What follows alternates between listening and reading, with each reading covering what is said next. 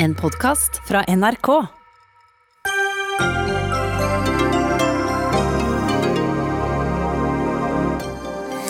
Hovedstaten har fått kritikk av helseministeren for ikke å gjøre nok med koronasmitten.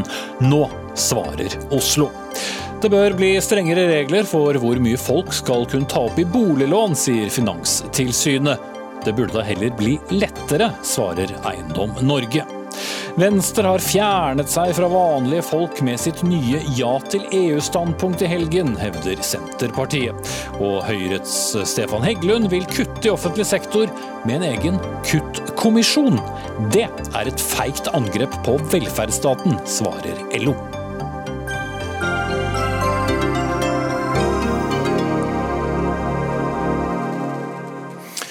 Da sier vi riktig god mandagskveld og velkommen til Dagsnytt 18 med Espen Aas. Vi starter denne sendingen i Oslo rådhus og pressekonferanse med Oslo kommune. Velkommen til eh, pressetreff her i Oslo rådhus.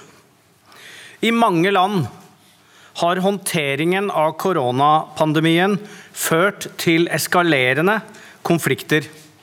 Titusenvis av mennesker har demonstrert mot myndighetenes tiltak i flere europeiske storbyer. Dette har ikke skjedd i Norge. Her har tilliten til politiske ledere tvert imot økt gjennom de siste seks måneders unntakstilstand. Samtidig har holdt smitten på et lavt nivå. Folk har vist stor tillit til tiltakene. De fleste har gjort en stor innsats for å etterleve smittevernreglene. Hvis vi skal fortsette å lykkes, fortsette å ha folk med på laget, holde smitten nede, da må vi gjøre oss fortjent til folks tillit. Vi må vise at vi kun innfører de tiltakene som er nødvendige. For en uke siden så innførte byrådet nye, strenge tiltak i Oslo. Bakgrunnen var økende smitte.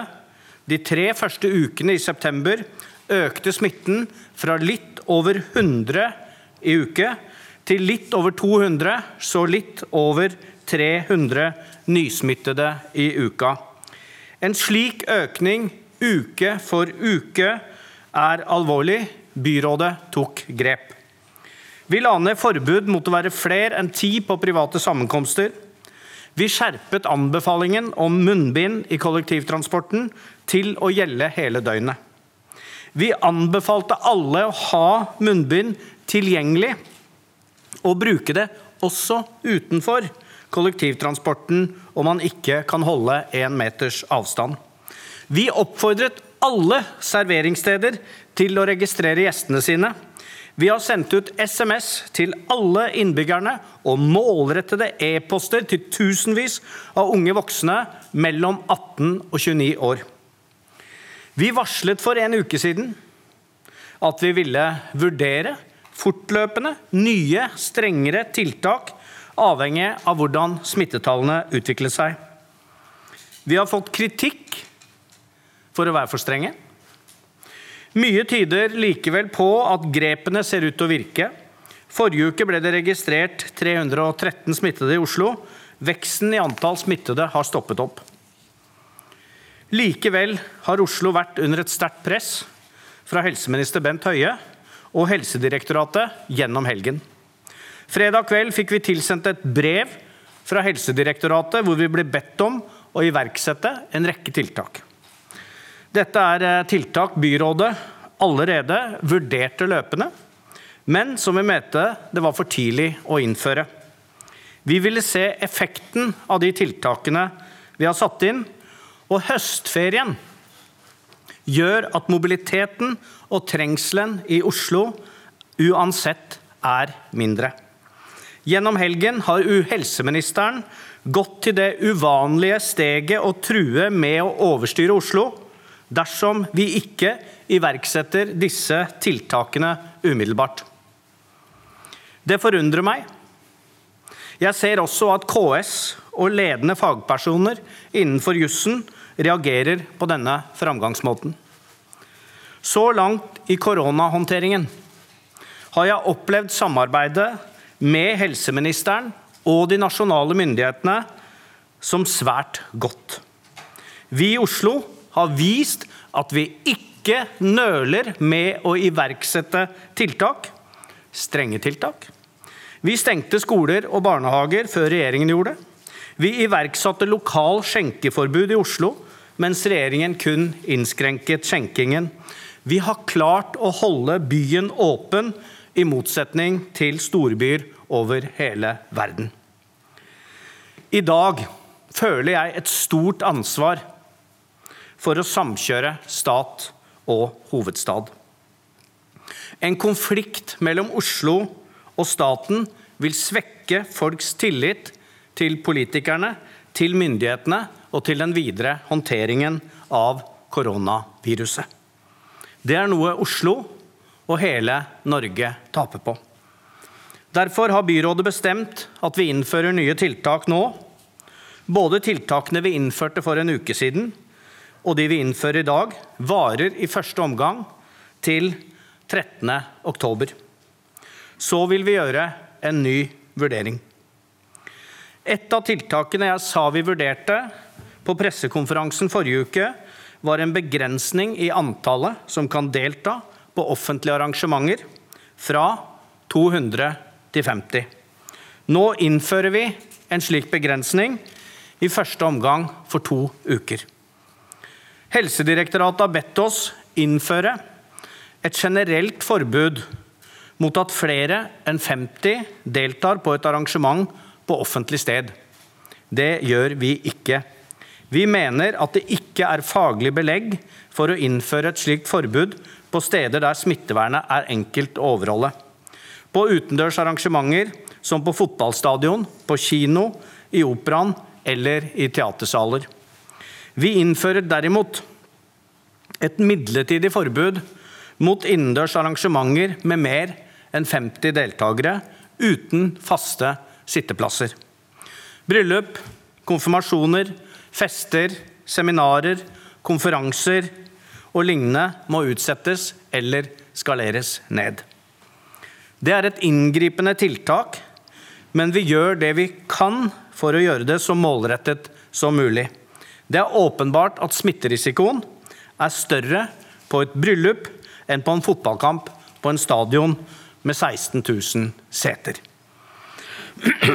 Helsedirektoratet har bedt oss forby at flere enn fem personer samles i private hjem. Det gjør vi ikke. Vi skal ha svært høy terskel for å gripe ytterligere inn i folks hjem enn det vi allerede har gjort. Så er jo også Bent Høie veldig klar over følgende. Mange oslofolk er nå på hytta. I kommuner er det lov å samle seg 40, 20 personer i private hjem. Det er ganske mange i denne byen som ikke har hytte, og som ikke har råd til å dra på høstferie. Å innføre dette nå mener jeg er et uforholdsmessig inngrep. I dag innfører vi et påbud om bruk av munnbind på kollektivtransporten. Vi har vurdert et slikt påbud over tid. Vi har gitt et innstendig oppfordring om bruk av munnbind i kollektivtransporten men vi ser at munnbindbruken fremdeles er for lav. Derfor kommer dette nå som et påbud. Nå er det ikke mulig, Når det ikke er mulig å holde én meters avstand til medreisende, skal reisende i kollektivtransporten bruke munnbind. Det betyr i realiteten at alle må ha med seg munnbind om bord. I tillegg, dere, innfører vi bruk av munnbind i hjemmetjenesten i Oslo kommune i situasjoner det ikke er mulig å holde én meters avstand. Vi innfører nå et påbud om registrering av gjester på serveringssteder. For en uke siden oppfordret vi alle serveringssteder og andre publikumsrettede tilbud å ha et system for registrering. Våre kontroller forrige uke viser at rundt 70% av de kontrollerte serveringsstedene har fått på plass et slikt system. Nå innfører vi et påbud om at alle serveringssteder skal ha et slikt system.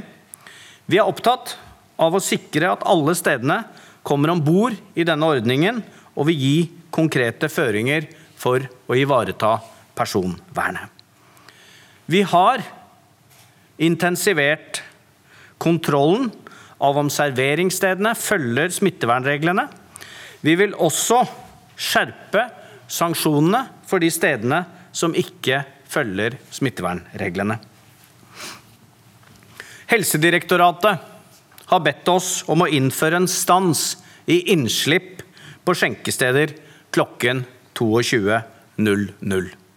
Det gjør vi ikke. I Oslo, som i resten av landet, må skjenkingen opphøre ved midnatt. Jeg er redd for ytterligere innskrenkninger vil føre til mer hjemmefester og mindre oversikt. Gjennom helga har vi fått meldinger om mye private fester og større ansamlinger utendørs.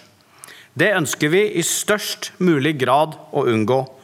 På utestedene er det bedre kontroll over smittevernet, og med registrering av gjester blir det mulig å drive god smittesporing. Helsedirektoratet har anbefalt et forbud mot arrangementer ved universiteter og videregående skoler som ikke er undervisningsrelatert. Det har vi ikke innført. Vi mener det ikke er grunn til et eget forbud mot akkurat denne typen arrangementer. De er underlagt de samme reglene som andre arrangementer i byen, så eier jo staten de fleste universitetene og høyskoler i Oslo, og kan selvfølgelig gi egne føringer til dem. Vi ber alle arbeidsgivere som kan, om å legge til rette for mest mulig bruk av hjemmekontor. Det har vi også gjort før.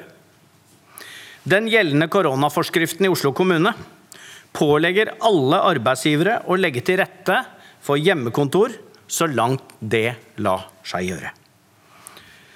Men det er nok mange arbeidsplasser som har startet med mer fysisk tilstedeværelse etter sommeren. Både Helsedirektoratet og Oslo kommune er klare i våre anbefalinger. Flest mulig bør jobbe hjemmefra.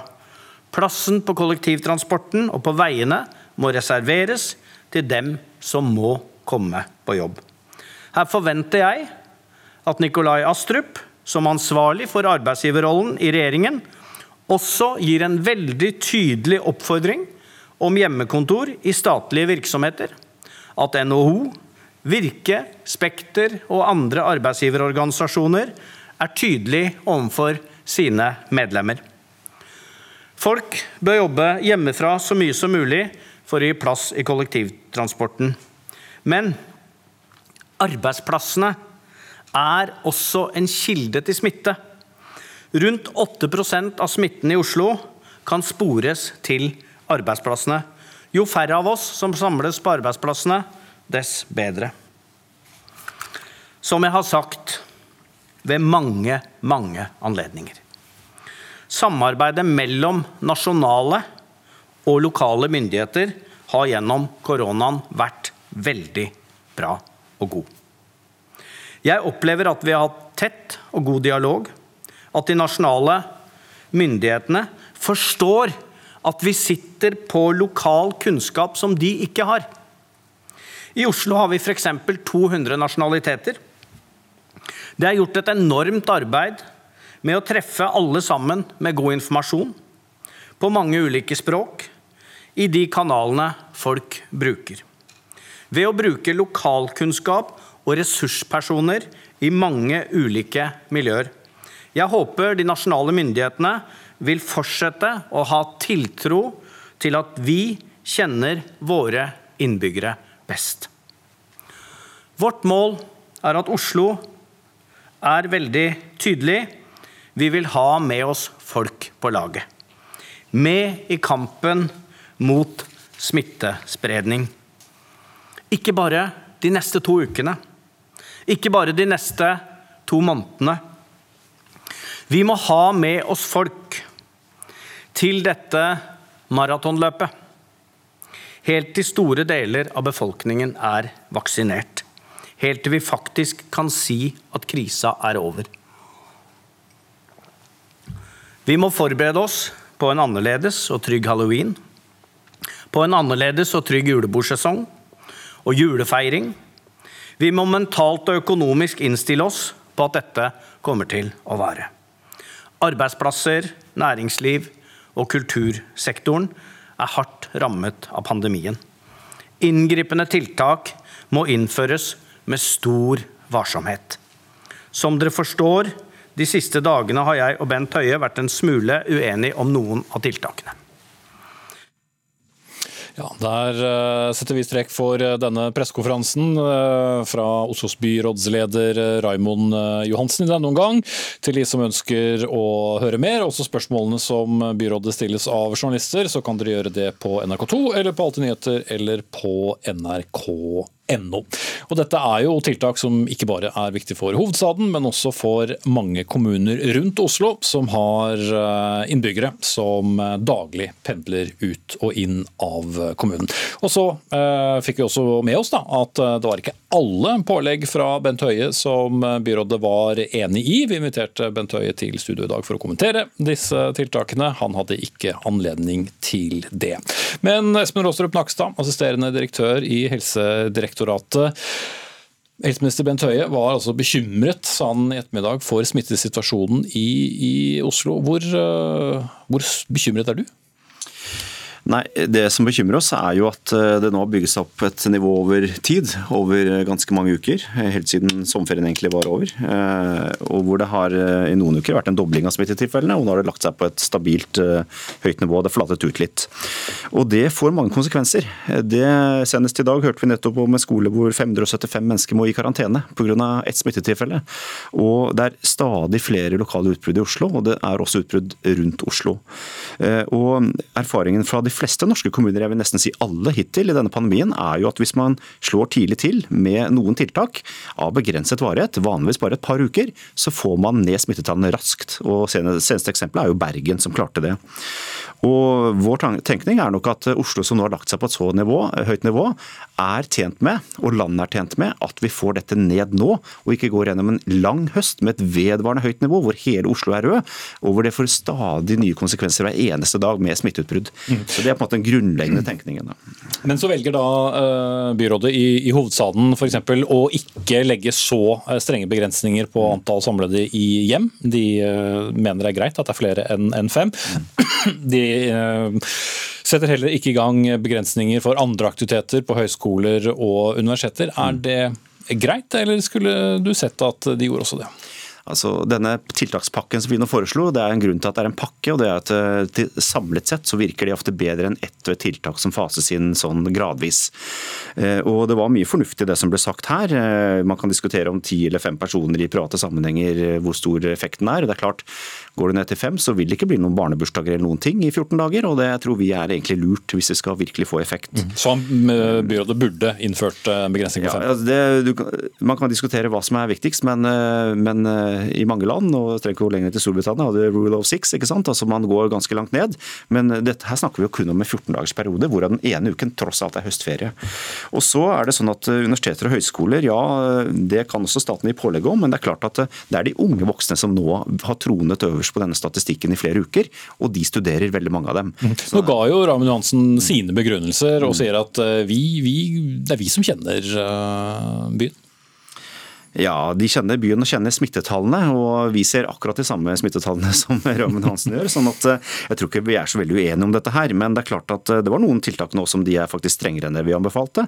Altså Det blir et påbud om munnbind, da. Eh, vel å merke når man ikke kan holde avstand, men i prinsippet er jo det i rushtiden eller stort sett hele tiden, nå som det er busstreik. Eh, og så er det dette med munnbind i hjemmetjenesten, som også er veldig fornuftig å innføre nå en periode. Sånn at eh, det kan godt være at det samlet sett her vil være en god effekt. Spørsmålet er hvor fort vi skal få effekt, og hvor raskt vi skal komme ned med tall. Det er egentlig det som er litt avgjørende. Mm. Ja, Nå noterer jeg meg at du er begeistret for de eh, områdene hvor byrådet går litt lenger enn anbefalingene deres, men at du gjerne skulle sett at de fulgte videre. Vi har med oss jusprofessor Hans Petter Graver ved Universitetet i, i Oslo.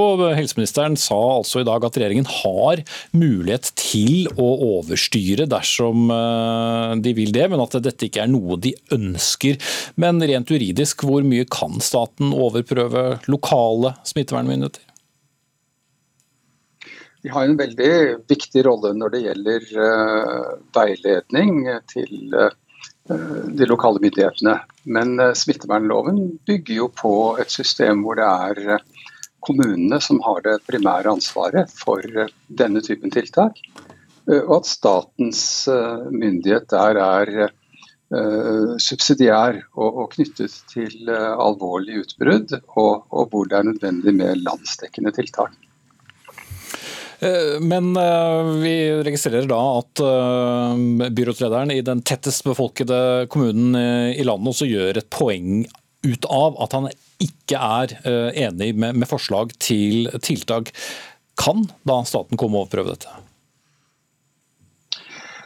Nei, altså En ting er faglig uenighet og, og, og, veiledning, og de kan jo gå ganske langt i å legge press osv. Men uh, slik jeg leser loven, så, så er uh, statens uh, rolle her når det gjelder pålegg, begrenset til rent akutte situasjoner og landsomfattende situasjoner. Mm. Og For at det skal være et, et akutt og landsdekkende behov, hva skal da til? Nei, det, det, er jo vanskelig å si. Vi hadde jo det i, i mars. Det var jo et eksempel på, på det. Eller så kan det være en situasjon hvor det utvikler seg Eh, og hvor kommunene rett og slett eh, hver for seg ikke klarer å holde dette under kontroll. Eh, eller det kan være nødvendig fordi situasjonen enkelte steder blir slik at man må hindre bevegelser, altså innføre lokale bevegelsesrestriksjoner eller karantene, sånn som man så i f.eks. Finland i begynnelsen av pandemien. Så man kunne jo for så vidt teoretisk tenke seg at situasjonen ble så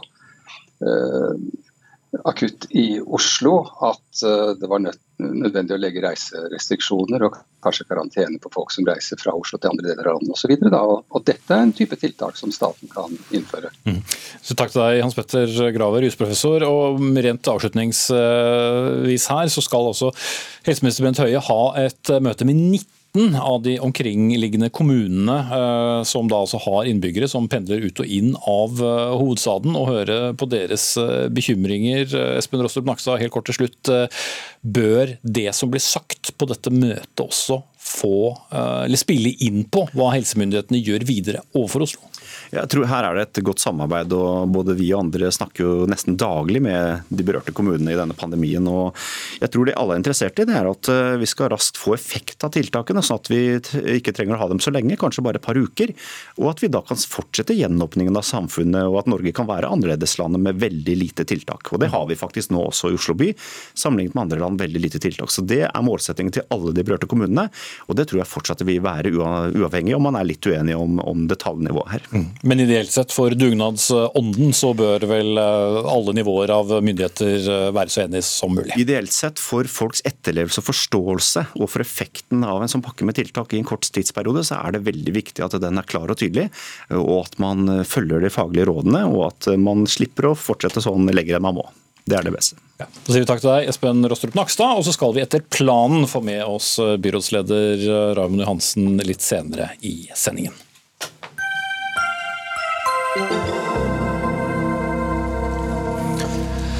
Så skal vi til de ganske omfattende og mye omtalte oppslagene rundt president Donald Trumps skatteforhold. For ifølge avisen New York Times betalte Trump 750 dollar, eller om lag 7000 kroner, i føderal inntektsskatt i 2016, året da han ble valgt til president, og 750 dollar igjen i sitt første år som president, og også relativt lite i forkant av at han ble president. Og Anders Magnus, vår USA-korrespondent med oss fra Cleveland i Ohio. Det har jo kommet en en rekke reaksjoner. Har de avtatt noe i styrke, eller eh, har dette nå blitt eh, det folk snakker om eh, når det gjelder valgkamp og, og politikk? Det er en storm på sosiale medier.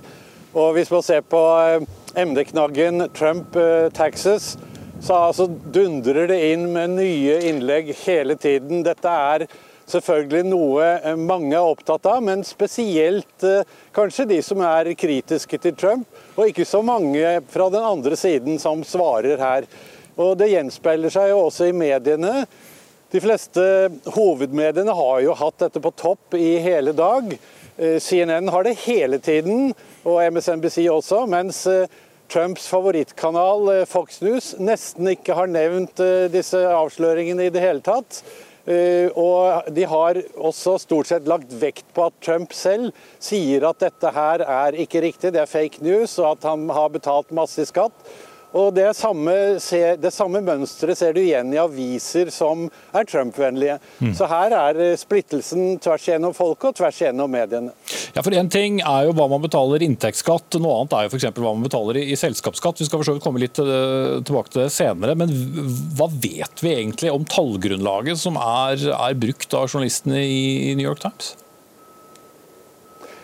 Jeg vet eh, lite om det. Jeg må bare stole på det som eh, vi får høre i New York Times. Og vi må selvfølgelig ta forbehold om at de har eh, korrekte kilder. Men det virker slik. De har jo behandlet Trumps forhold rent inntektsmessig i andre artikler tidligere, og det har aldri kommet noen tilsvar fra verken Trump selv eller Trumps forretningsdrift som har stilt spørsmålstegn ved noen av de tallene og noen av de opplysningene som har kommet ut. Og det er det ikke heller gjort nå. Hvorvidt han betaler mye i selskapsskatt, eh, er jeg ikke sikker på, men det som eh, artikkelen skriver, er at han har betalt mye mer i skatt, og fått, og fått også store inntekter, selvfølgelig, i land som India, Filippinene og Panama Altså Her har han betalt mer i skatt i alle disse tre landene enn han har gjort i USA.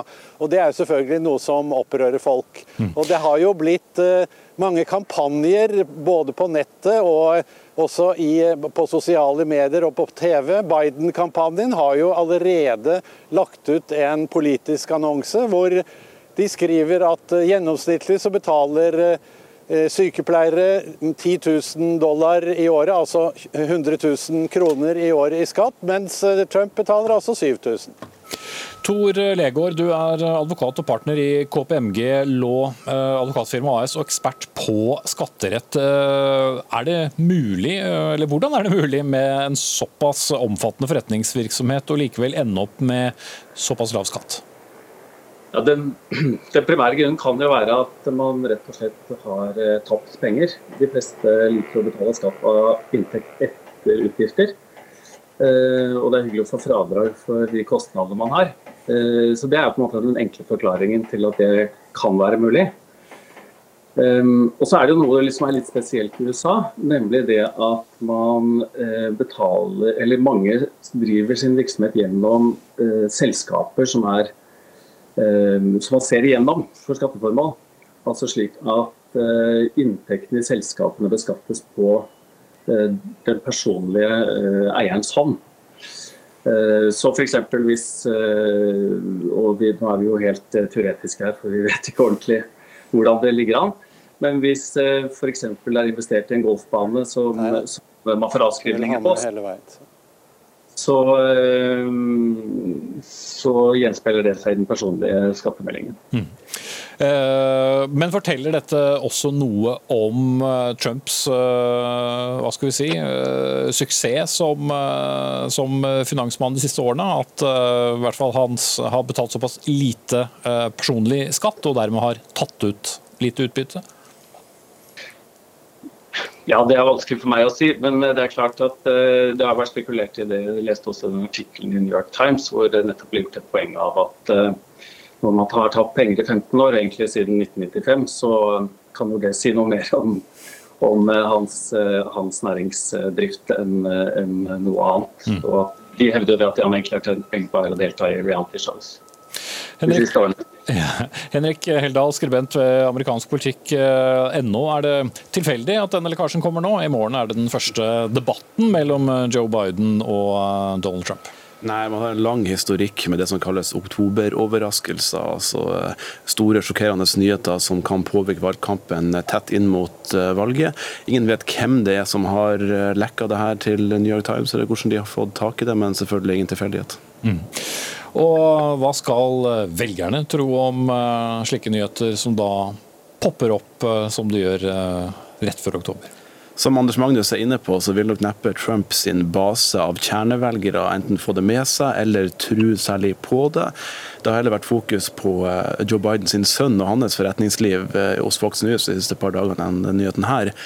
Men det her knuser jo illusjonen om at Donald Trump er en god forretningsmann. Det er noe man kan bruke hvis Biden-kampanjen ønsker å bruke det i valgkampen. I tillegg så er jo den største styrken til Trump at eh, flere velgere tror han vil være god for økonomien enn Joe Biden vil være det. Da kan dette være et redskap som Biden-kampanjen kan bruke for å snu på det. Ja, for uh, veldig mye handler jo om å ha størst mulig tiltro når det gjelder uh, økonomisk politikk og økonomiske eh, tiltak. Eh, der har jo Trump understreket flere ganger at det har gått veldig bra under hans tid, og at det vil fortsette det. Men vil en slik nyhet ha noen innvirkning på disse historiefortellingene? Jeg skjønner jo åpenbart at det vil bli brukt for hva det er verdt. Man kan ikke bruke det på samme måte uten å få det her som, som et motargument, men samtidig Folk har akkurat nå tiltro til Trumps økonomiske håndtering. De mener i hovedsak at han ikke kan lastes personlig for at økonomien nå har gått dårlig pga. det her eh, viruset. Men det her er 2020, og det er valgkamp med Trump og Biden, så jeg tipper det kommer til å komme fem-seks til store nyhetssaker før vi har eh, valget. Men akkurat det 750 dollar-tallet er så mye mer spesifikt, og det får frem følelser til folk på en måte som Trump sin, eh, ja, hva Trump har betalt i skatt, ikke har gjort tidligere. Så det er absolutt en bedre og større nyhet for Biden enn eh, det vi har sett før. Mm. Anders Magnus i, Cleveland, det, det er som sagt den store duellen, første store duellen i morgen morgen. Er det grunn til å tro at eh, de må skrive om en del av eh, argumentasjonene og de planlagte debattene før, eh, før den? Jeg tror nok at dette er poenger som Joe Biden kan bruke, og kanskje bør bruke også. Vi har vært inne på at han betaler lite skatt, og at han sannsynligvis ikke Altså at Trump betaler lite skatt, og at Trump er muligens en dårlig forretningsmann og ikke rik og framgangsrik, sånn som han selv hevder. Men et annet poeng som har kanskje kommet litt i skyggen her, er at han skylder jo fryktelig mye penger.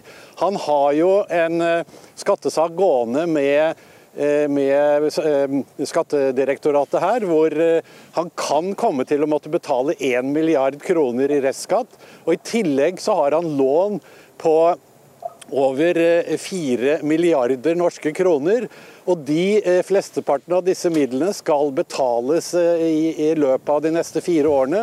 Så ingen vet om, er, om han skylder dette til utlandet, utenlandske banker, utenlandske stater. Og det er mange som peker på at dette kan være en sikkerhetsrisiko. At deres egen president skylder så utrolig mye penger som skal betales mens han sitter ved makten. Vi, venter, vi venter eh, spent på duellen i morgen. Takk skal du ha, Anders Magnus, med oss fra Cleveland i Ohio. Henrik Heldal, skribent ved amerikansk politikk.no, og Tor Legård i KPMG.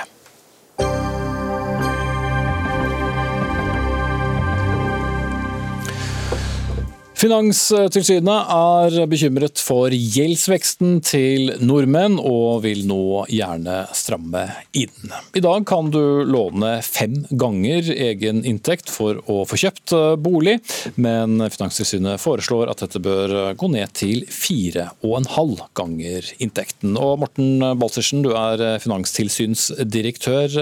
Hvor stor forskjell vil det gjøre å gå fra fem ganger inntekt til fire og en halv? Ja, Rent prosentuelt så er det 10% lavere tak eh, for samlet gjeld når noen tar opp et nytt lån. Og Det gjelder både boliglån og lån til bil og usikrede lån. Eh, vi ser ikke på det som en dramatisk eh, innstramming, men noe lavere maksimalgjeld vil da gjelde med dette forslaget. Og Grunnen til det er jo at vi ser at husholdningene i Norge har veldig høy gjeld, og den er konsentrert i eh, noen husholdninger. Og av nye lån som tas opp, så ser vi at en økende andel går til eh, folk som har høy gjeldsgrad. Mm. Men hvem vil dere først og fremst uh, si, ramme, men altså nå ut til da med, med denne endringen i forskriften? Det er den, de mest sårbare låntakerne, der det er størst risiko for at de senere kan få gjeldsproblemer. F.eks. hvis de får lavere inntekt, hvis renten skulle øke, eller hvis eh, boligprisene skulle falle mye. Mm. Henning Lauritzen, du er administrerende direktør i Eiendom Norge og kaller det hele feilmedisin, og skulle heller ønske en liberalisering av reglene. Hvorfor vil det være en god idé? Jeg kan jo alle begynne, først begynne med timingen. Altså, vi er midt i en pandemi, og det er fortsatt ganske stor usikkerhet rundt norsk økonomi fremover. Så, så det å skulle stramme inn akkurat nå, det syns vi er en veldig dårlig idé. Og så er det sånn at eh, vi er i en situasjon hvor vi har eh, veldig mye lavere gjeldsvekst enn vi har hatt de foregående årene. Eh, og det tilsier at nå bør vi ikke ile til for å gjøre tiltak på dette området. Mm. Men bare for å plukke opp det du sier der. Ja, det er tøffe tider. Det er mange som står uten jobb. Det er mange selskaper som permitterer. Burde ikke akkurat det tilsi at vi ikke låner ut mer penger? Altså, vi, er, vi, er, i en situasjon hvor, hvor, det jo er gjeldsveksten det egentlig dreier seg om. Og, og nå vi, har hatt en kort periode med oppgang i boligmarkedet. Og så tror vi at vi kommer tilbake til en veldig moderat boligprisvekst i årene fremover. Og Derfor er det ikke noe spesiell grunn til bekymring akkurat nå. Mm. Baltersen, eh, hvis gjeldsveksten allerede er i ferd med å, å flate ut, som i hvert fall mange har, har pekt på over lengre tid, hvorfor trenger vi dette akkurat nå? Gjelden er jo utgangspunktet rekordhøy, både historisk og internasjonal eh, sammenheng. Og gjeldsveksten er fortsatt betydelig. Det er tolvmånedersvekst i husholdningenes samlede gjeld på 4,6% Det er litt lavere enn det var for noen år siden, men fortsatt en betydelig vekst. Men bak dette så er det mange husholdninger som tar opp svært store lån bak dette aggregerte tallet for husholdningenes gjeld. Og Det vi har sett over noen år, er at av de som tar opp nye lån, så er det mange som har høy og økende eh, gjeldsgrad. Eh, så eh, er det også å legge til at selv om vi er rammet av koronakrisen og norsk økonomi er rammet, så ser vi jo at det er høy temperatur i boligmarkedet. Prisveksten har gått litt opp, og det er høy omsetning. Og eh, det er fortsatt stor opplåning blant uh, husholdningene. Mm. Ja, Lauritzen, eh, hva mener du i så fall vil være den direkte innvirkningen på boligmarkedet? Ja, altså Det å stramme inn på kreditten kan helt klart påvirke eh, prisene på boligmarkedet. Altså Man kan få en svekkelse i enkelte områder, men det vil også svekke boligbyggingen hvis, eh, hvis da etterspørselen svekkes. Eh, som igjen kan føre til at, at, prisene sånn sett stiger. Så Oslo for eksempel, kan være et eksempel på at det egentlig ikke påvirker prisene, men fører til at andelen som ikke får kjøpt bolig, blir eh, veldig stor, rett og slett. Mm. Ja, til slutt den delen eh, Balsersen, vil vi ikke nå ende opp med å holde enda flere unna boligmarkedet, og kanskje også risikere at de må bruke størstedelen av, av lønnen sin på ganske høye leiepriser? Ja, Boligprisene er jo rekordhøye i Norge, og de vokser eh, fortsatt. Og Høye boligpriser gjør det jo vanskelig for en del å kjøpe bolig. Eh, men det er neppe noen god løsning å holde veksten i boligprisene oppe gjennom å tillate at mange tar opp svært store lån. Det eh, gir risiko både for det finansielle systemet, men også for alle de enkeltpersonene som tar opp lån. Og det er jo ingen sikker vei til rikdom å ta opp store lån nødvendigvis, selv om vi ser at jo mange har hatt, eh, sett eh, prisvekst på boligene sine over mange år. Mm. Du skal svare veldig kort til slutt, eh, Lauritzen. Hva skulle man ellers gjort? For det er vel ikke det beste for noen at boligprisene bare fortsetter? Ja, vi, har, vi, har, en liten oppskrift, og det er at unge får muligheten, de som førstehjemslån, med rentebinding. Da er, det, er man ikke så utsatt for rentehevinger rentehevinger. og Da kan vi gi litt mer lån til akkurat den gruppen for å hjelpe dem inn på markedet. Mm. Ok, Vi får eh, se hva myndighetene og politikerne mener om dette. Takk skal du ha, Morten Balsersen, finanstilsynsdirektør, og Henning Lauritzen, administrerende direktør i Eiendom Norge.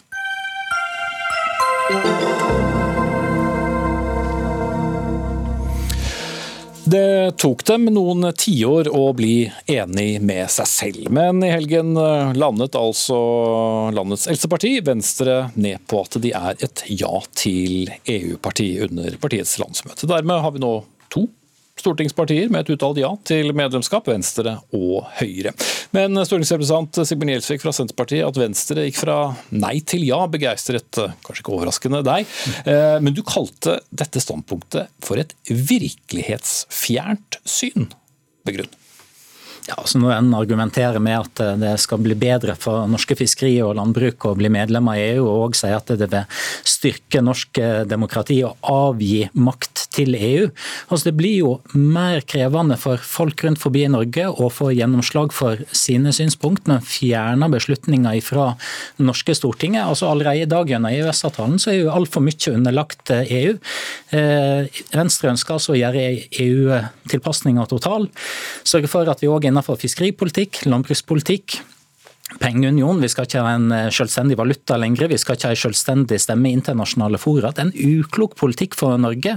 Derimot så bør vi jo stå fast på det standpunkt som det norske folk har landet ned på ved to anledninger. Vi må stå utenfor EU, og så må vi sørge for å styrke norsk handlefrihet utenfor EU, ikke svekke den. Mm. Spørs om det blir så dramatisk, da, for 60% av folket er jo imot EU. Dere er som sagt to partier som er helt eh, klart for Sveinung Rotevatn. Har, har, det noe å si at du, som for øvrig nyvalgt nestleder, og, og resten av partiet endret standpunkt fra nei-tida? ja? Det er første gang et norsk parti har endra standpunkt på den måten. og Det klart det har tatt noen år. Eh, og Det har med å gjøre at EU eh, e har endra seg mye eh, i det siste, og at stemninga i Venstre nå har vært tydelig for at det fredsprosjektet EU er, det prosjektet det er for å kutte klimagassutslipp, for fredelig samarbeid i Europa, er noe vi ikke bare bør stå og se på eller være helt imot, som Senterpartiet, men faktisk bli med i og delta i som den nasjonen vi er. Og så er det litt rart å høre Senterpartiet bruke ordet virkelighetsfjernt om det. Altså Er det én ting som er virkelighetsfjernt, så er det den skrivebordsteorien til Senterpartiet om at vi skal si opp EØS-avtalen og stille oss helt alene, uten tilgang til vårt viktigste marked, som vil være en katastrofe for norsk industri, fiskeri, landbruk, arbeidsplasser i distriktene. Det er virkelighetsfjernt. Klart Det å gå inn som fullverdig medlem i EU er ikke noe som kommer til å skje i morgen. Det vil kreve folkeavstemning og stor tilslutning i folket. Men det, jeg syns det er bra jeg, at Venstre jobber for demokrati, for at vi skal ha medvirkning, ikke bare ta imot regelverk, og at vi skal være med å styrke de institusjonene som er viktige for å bygge fred og frihet i vår verdensdel. Mm. Ja, akkurat Når det gjelder EØS, som dere også er skeptiske til, der er vel til og med på kant med, med egne velgere. Er I hvert fall da det ble målt i, i fjor på, på, jubileet for EU-avstemningen, så 25-årsdagen, så, så viste det seg vel at det var et flertall av Senterpartiets velgere som også var for EØS-avtalen.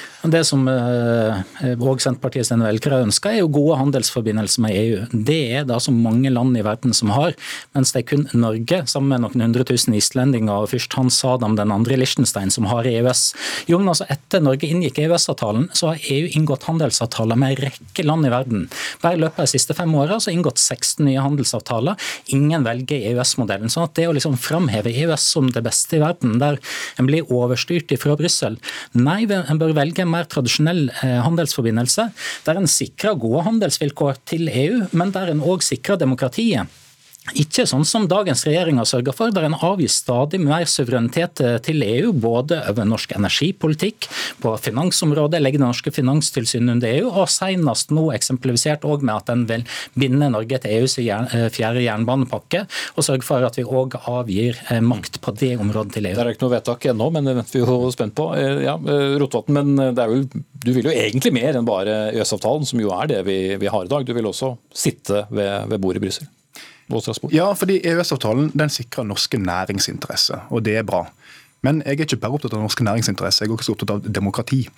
Eh, og Situasjonen i dag er at Norge har valgt å si at vi lar våre naboland, Sverige, Danmark, Tyskland osv., vi lar de ta beslutningene, og så er vi en del av det etterpå. Jeg er glad for at vi er en del av det etterpå. Alternativet som Senterpartiet vil ha, ville vært helt katastrofe for norsk næringsliv. Men jeg syns også vi skal være med og bestemme. Og det var det som var det tydeligste argumentet som gikk igjen på talerstolen på landsmøtet til Venstre i helga. Det var at folk sa ja, EØS er bra, vi er for det. Det er også det store flertallet av folk i Norge, heldigvis. Men vi vil mer. Og Prinsipielt sett så bør vi delta på like fot med de andre landene, slik vi deltar på like fot i FN, slik vi deltar på like fot i Nato. At EU skal være noe vi sitter og heier på, men ikke vil bidra til, slik de andre landene i Europa gjør. Det sa Venstres landsmøte i helga, at vi har lyst til å jobbe mot det på sikt. Og så får vi se om folk i Norge etter hvert blir enige med oss i det. Mm.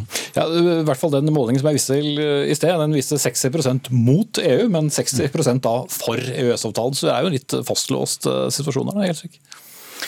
Eh, det norske nei til EU er dypt forankra. Det hadde vært gjennom to folkeavstemninger. Det som vi må sørge for nå, det er jo å utnytte den handlefriheten som vi har utenfor EU. Så må en sørge for at en ikke avgir ny suverenitet.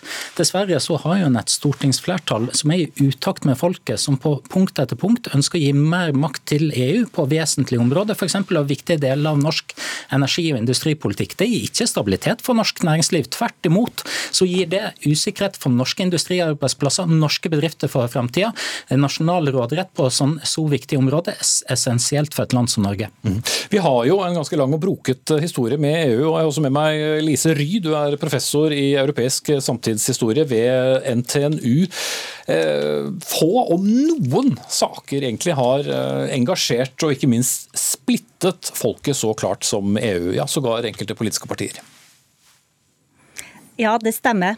Det er nok ingen politiske spørsmål i etterkrigstida i Norge i dag som har mobilisert eh, velgerne, mobilisert innbyggerne, i den grad som EU-spørsmålet har gjort det. Og så har det også splitta. Det har splitta parti, som det gjorde med Venstre i 1972. Det har eh, felt regjeringa, og det har splitta familier på akkurat samme måte som vi ser brexit gjør i Storbritannia i dag. Mm. Og, og, Norge har jo en ganske lang og brukket historie. Ja, vi har hatt to uh, folkeavstemninger, men uh, jammen har vi sendt noen søknader om uh, medlemskap i tillegg? Ja, vi har et forhold til EU som strekker seg langt tilbake i tid, og som vi må kunne si er relativt begivenhetsrikt. Fire ganger har norske regjeringer søkt om medlemskap i det vi i dag kjenner som EU. Første gangen var i 1962. Siste gang var i 1992. To ganger har vi forhandla med EU om vilkårene for et norsk medlemskap, og begge gangene har et flertall av velgerne sagt nei til avtalen i de påfølgende folkeavstemningene. Mm. Og ut fra sitsen til slutt, eh, Lise Ry, sjansen eller faren for, ut fra hvor man eh, sitter, for en tredje søknad, eh, hvor, hvor stor er den i overskuelig fremtid? Jeg tror ikke Venstres nye standpunkt fører til noen ny EU-søknad, men jeg håper det fører til litt mer debatt om EU i Norge. For det trenger vi, uavhengig av hvor vi står i spørsmålet om medlemskap. EU eh, e er veldig forskjellig fra hva det var i 1994. Norge er mye tettere vevd sammen med EU enn hva vi var i 1994. Og verden utenfor EU er mer uforutsigbar og mer uoversiktlig enn det den var i 1994. Og det kan kanskje komme til å gjøre EU viktigere for Norge, uavhengig av om vi er medlem eller da mest sannsynlig ikke. Takk skal du ha Lise Ry. Hvis dere nå klarer nå jeg tror dere klarer, å bruke 25 sekunder hver, Sveinung Rotevatn, hvordan vil Venstre bli annerledes nå eh, som ja-parti? Venstre er det samme Venstre vi var før helga. Men det er klart det har vært en bevegelse lenge om at vi ikke bare skal sikre næringsinteresse gjennom EØS-avtalen, men også sikre demokrati gjennom full deltakelse. Det sa Venstre ja til nå i helga. og Så får vi se om det norske folket blir enige med oss i det. Jeg håper det. Mm -hmm. Og Gjelsvik, kommer dere til å spisse dere ytterligere nå?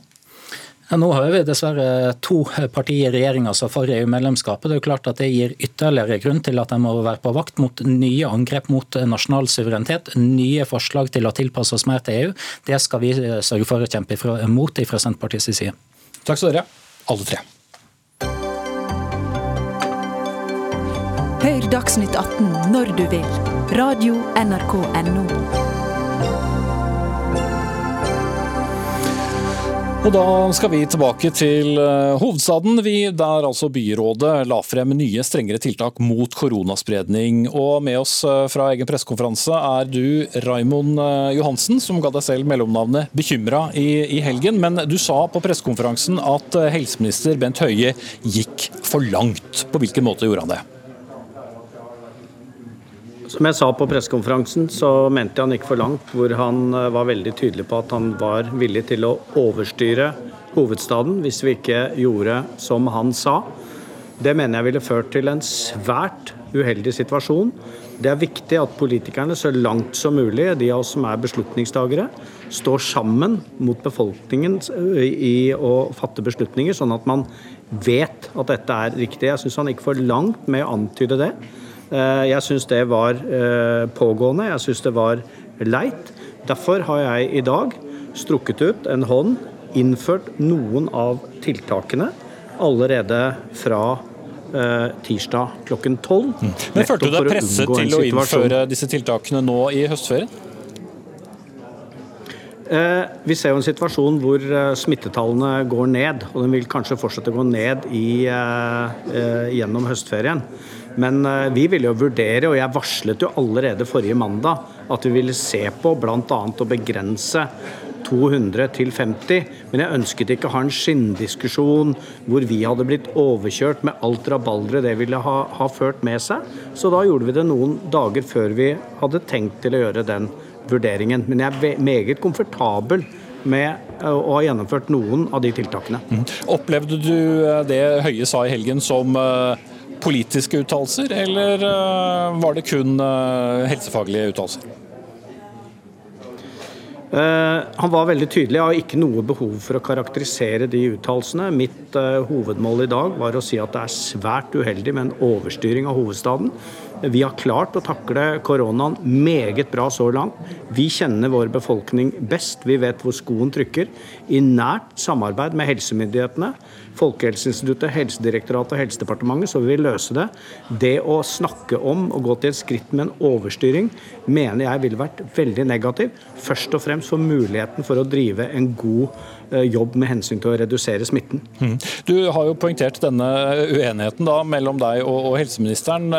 Kan dette få innvirkning på dugnadsfølelsen? At det er uh, klar uenighet mellom en, en, regjering og, og en hovedstad? Ja, Nå har jeg lagt den død, da, så langt det er mulig, ved å være veldig tydelig på at vi faktisk nå innfører noen av tiltakene, nettopp for å unngå at uh, helseministeren selv følte seg presset til da å overstyre Oslo. Så nå tror jeg dette er på skinner igjen. og jeg tror vi skal samarbeide nært for å løse dette, til det beste for eh, både Oslos befolkning og Norges befolkning. Mm. Så ikke bekymret? For hvordan vi løser Nei, jeg er ikke Du tenkte på mellomnavnet? Nei, bekymret Nei, for forholdet ikke... til sentrale myndigheter. Nei, ikke i det hele tatt. Vi, vi, jobber jo tett med eh, Helsedirektoratet, Folkehelseinstituttet. Jeg har hatt et godt samarbeid med Bent Høie, men nå syns jeg det var tydelig, viktig for meg å være veldig tydelig på hvilke konsekvenser det ville vært hvis vi ble overstyrt av, eh, av, staten. Det ville vært først og fremst svært uheldig for jobben eh, med å redusere smitten. Og jeg håper at vi har bidratt sterkt til det i dag. Mm. Takk skal du ha, Raimond Johansen, byrådsleder i Oslo fra Arbeiderpartiet.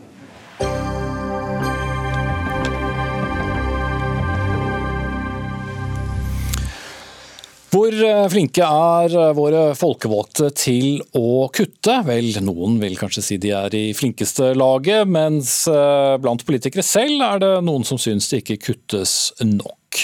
Norge må kutte i offentlig sektor, men politikerne trenger hjelp til å gjøre jobben. Ja, det sa Høyres stortingsrepresentant Stefan Heggelund til Dagens Næringsliv nylig, og slo fast at det største regjeringspartiet, altså hans eget, bør programfeste at det må opprettes en kommisjon av fagfolk som skal gå gjennom det offentlige og vise hva vi får igjen for pengene. Så kan man vurdere kutt sektor for sektor. Og Stefan Heggelund, det var eh, deg. Da har vi fått deg inn i, i studio. Da jeg leste den artikkelen, så tenkte jeg dette var vel en erkjennelse at dere i sju år ikke har eh, klart å gjøre kutt som dere egentlig selv mener dere burde ha gjort? Eh, vi har jo foreslått noen omdisponeringer som ikke er blitt vedtatt, men jeg tror det er viktig å huske på at da vi kom i regjering i 2013, så var det et enormt reformbehov i offentlig sektor, og det har vi prioritert å gjøre noe med, bl.a. gjennom kommunereform, jernbanereform, Nye Veier, Nye Veier AS osv. Men så er det på tide at vi begynner å ha noen seriøse diskusjoner om bæreevnen til velferdsstaten vår. Den forrige perspektivmeldingen den kom i 2017, altså før korona. og Der slås det fast at fra og med 2030 så vil utgiftene til Norge øke mer enn det inntektene vil. Og Det er flere grunner til det. Aldrende befolkning, mindre inntekter fra olje- og gassektoren osv. Da er løsningen bl.a. flere i jobb, mer velferdsteknologi, men vi må også snakke om hvordan vi bruker pengene våre. Og vi bruker dette mer forsvarlig. Mm. Det er kanskje under et år igjen eh, som ditt parti er i regjering. Det er jo opp til velgerne å avgjøre det, men er det ikke litt sent å komme med denne kommisjonen nå? Nei, som sagt så har jo vi svart på en del andre utfordringer som offentlig sektor hadde. Nå står vi foran et nytt tiår, eh, og da må vi også se på pengebruken over de offentlige budsjettene mer enn det vi har gjort. Og så vet vi at hver gang det foreslås en omdisponering, nesten uansett hvor stor eller liten den er, så er den nærmest umulig å få gjennom Stortinget, fordi reaksjonene blir så sterke. og Det er da jeg sier la oss komme oss ut av disse skyttergravsdiskusjonene.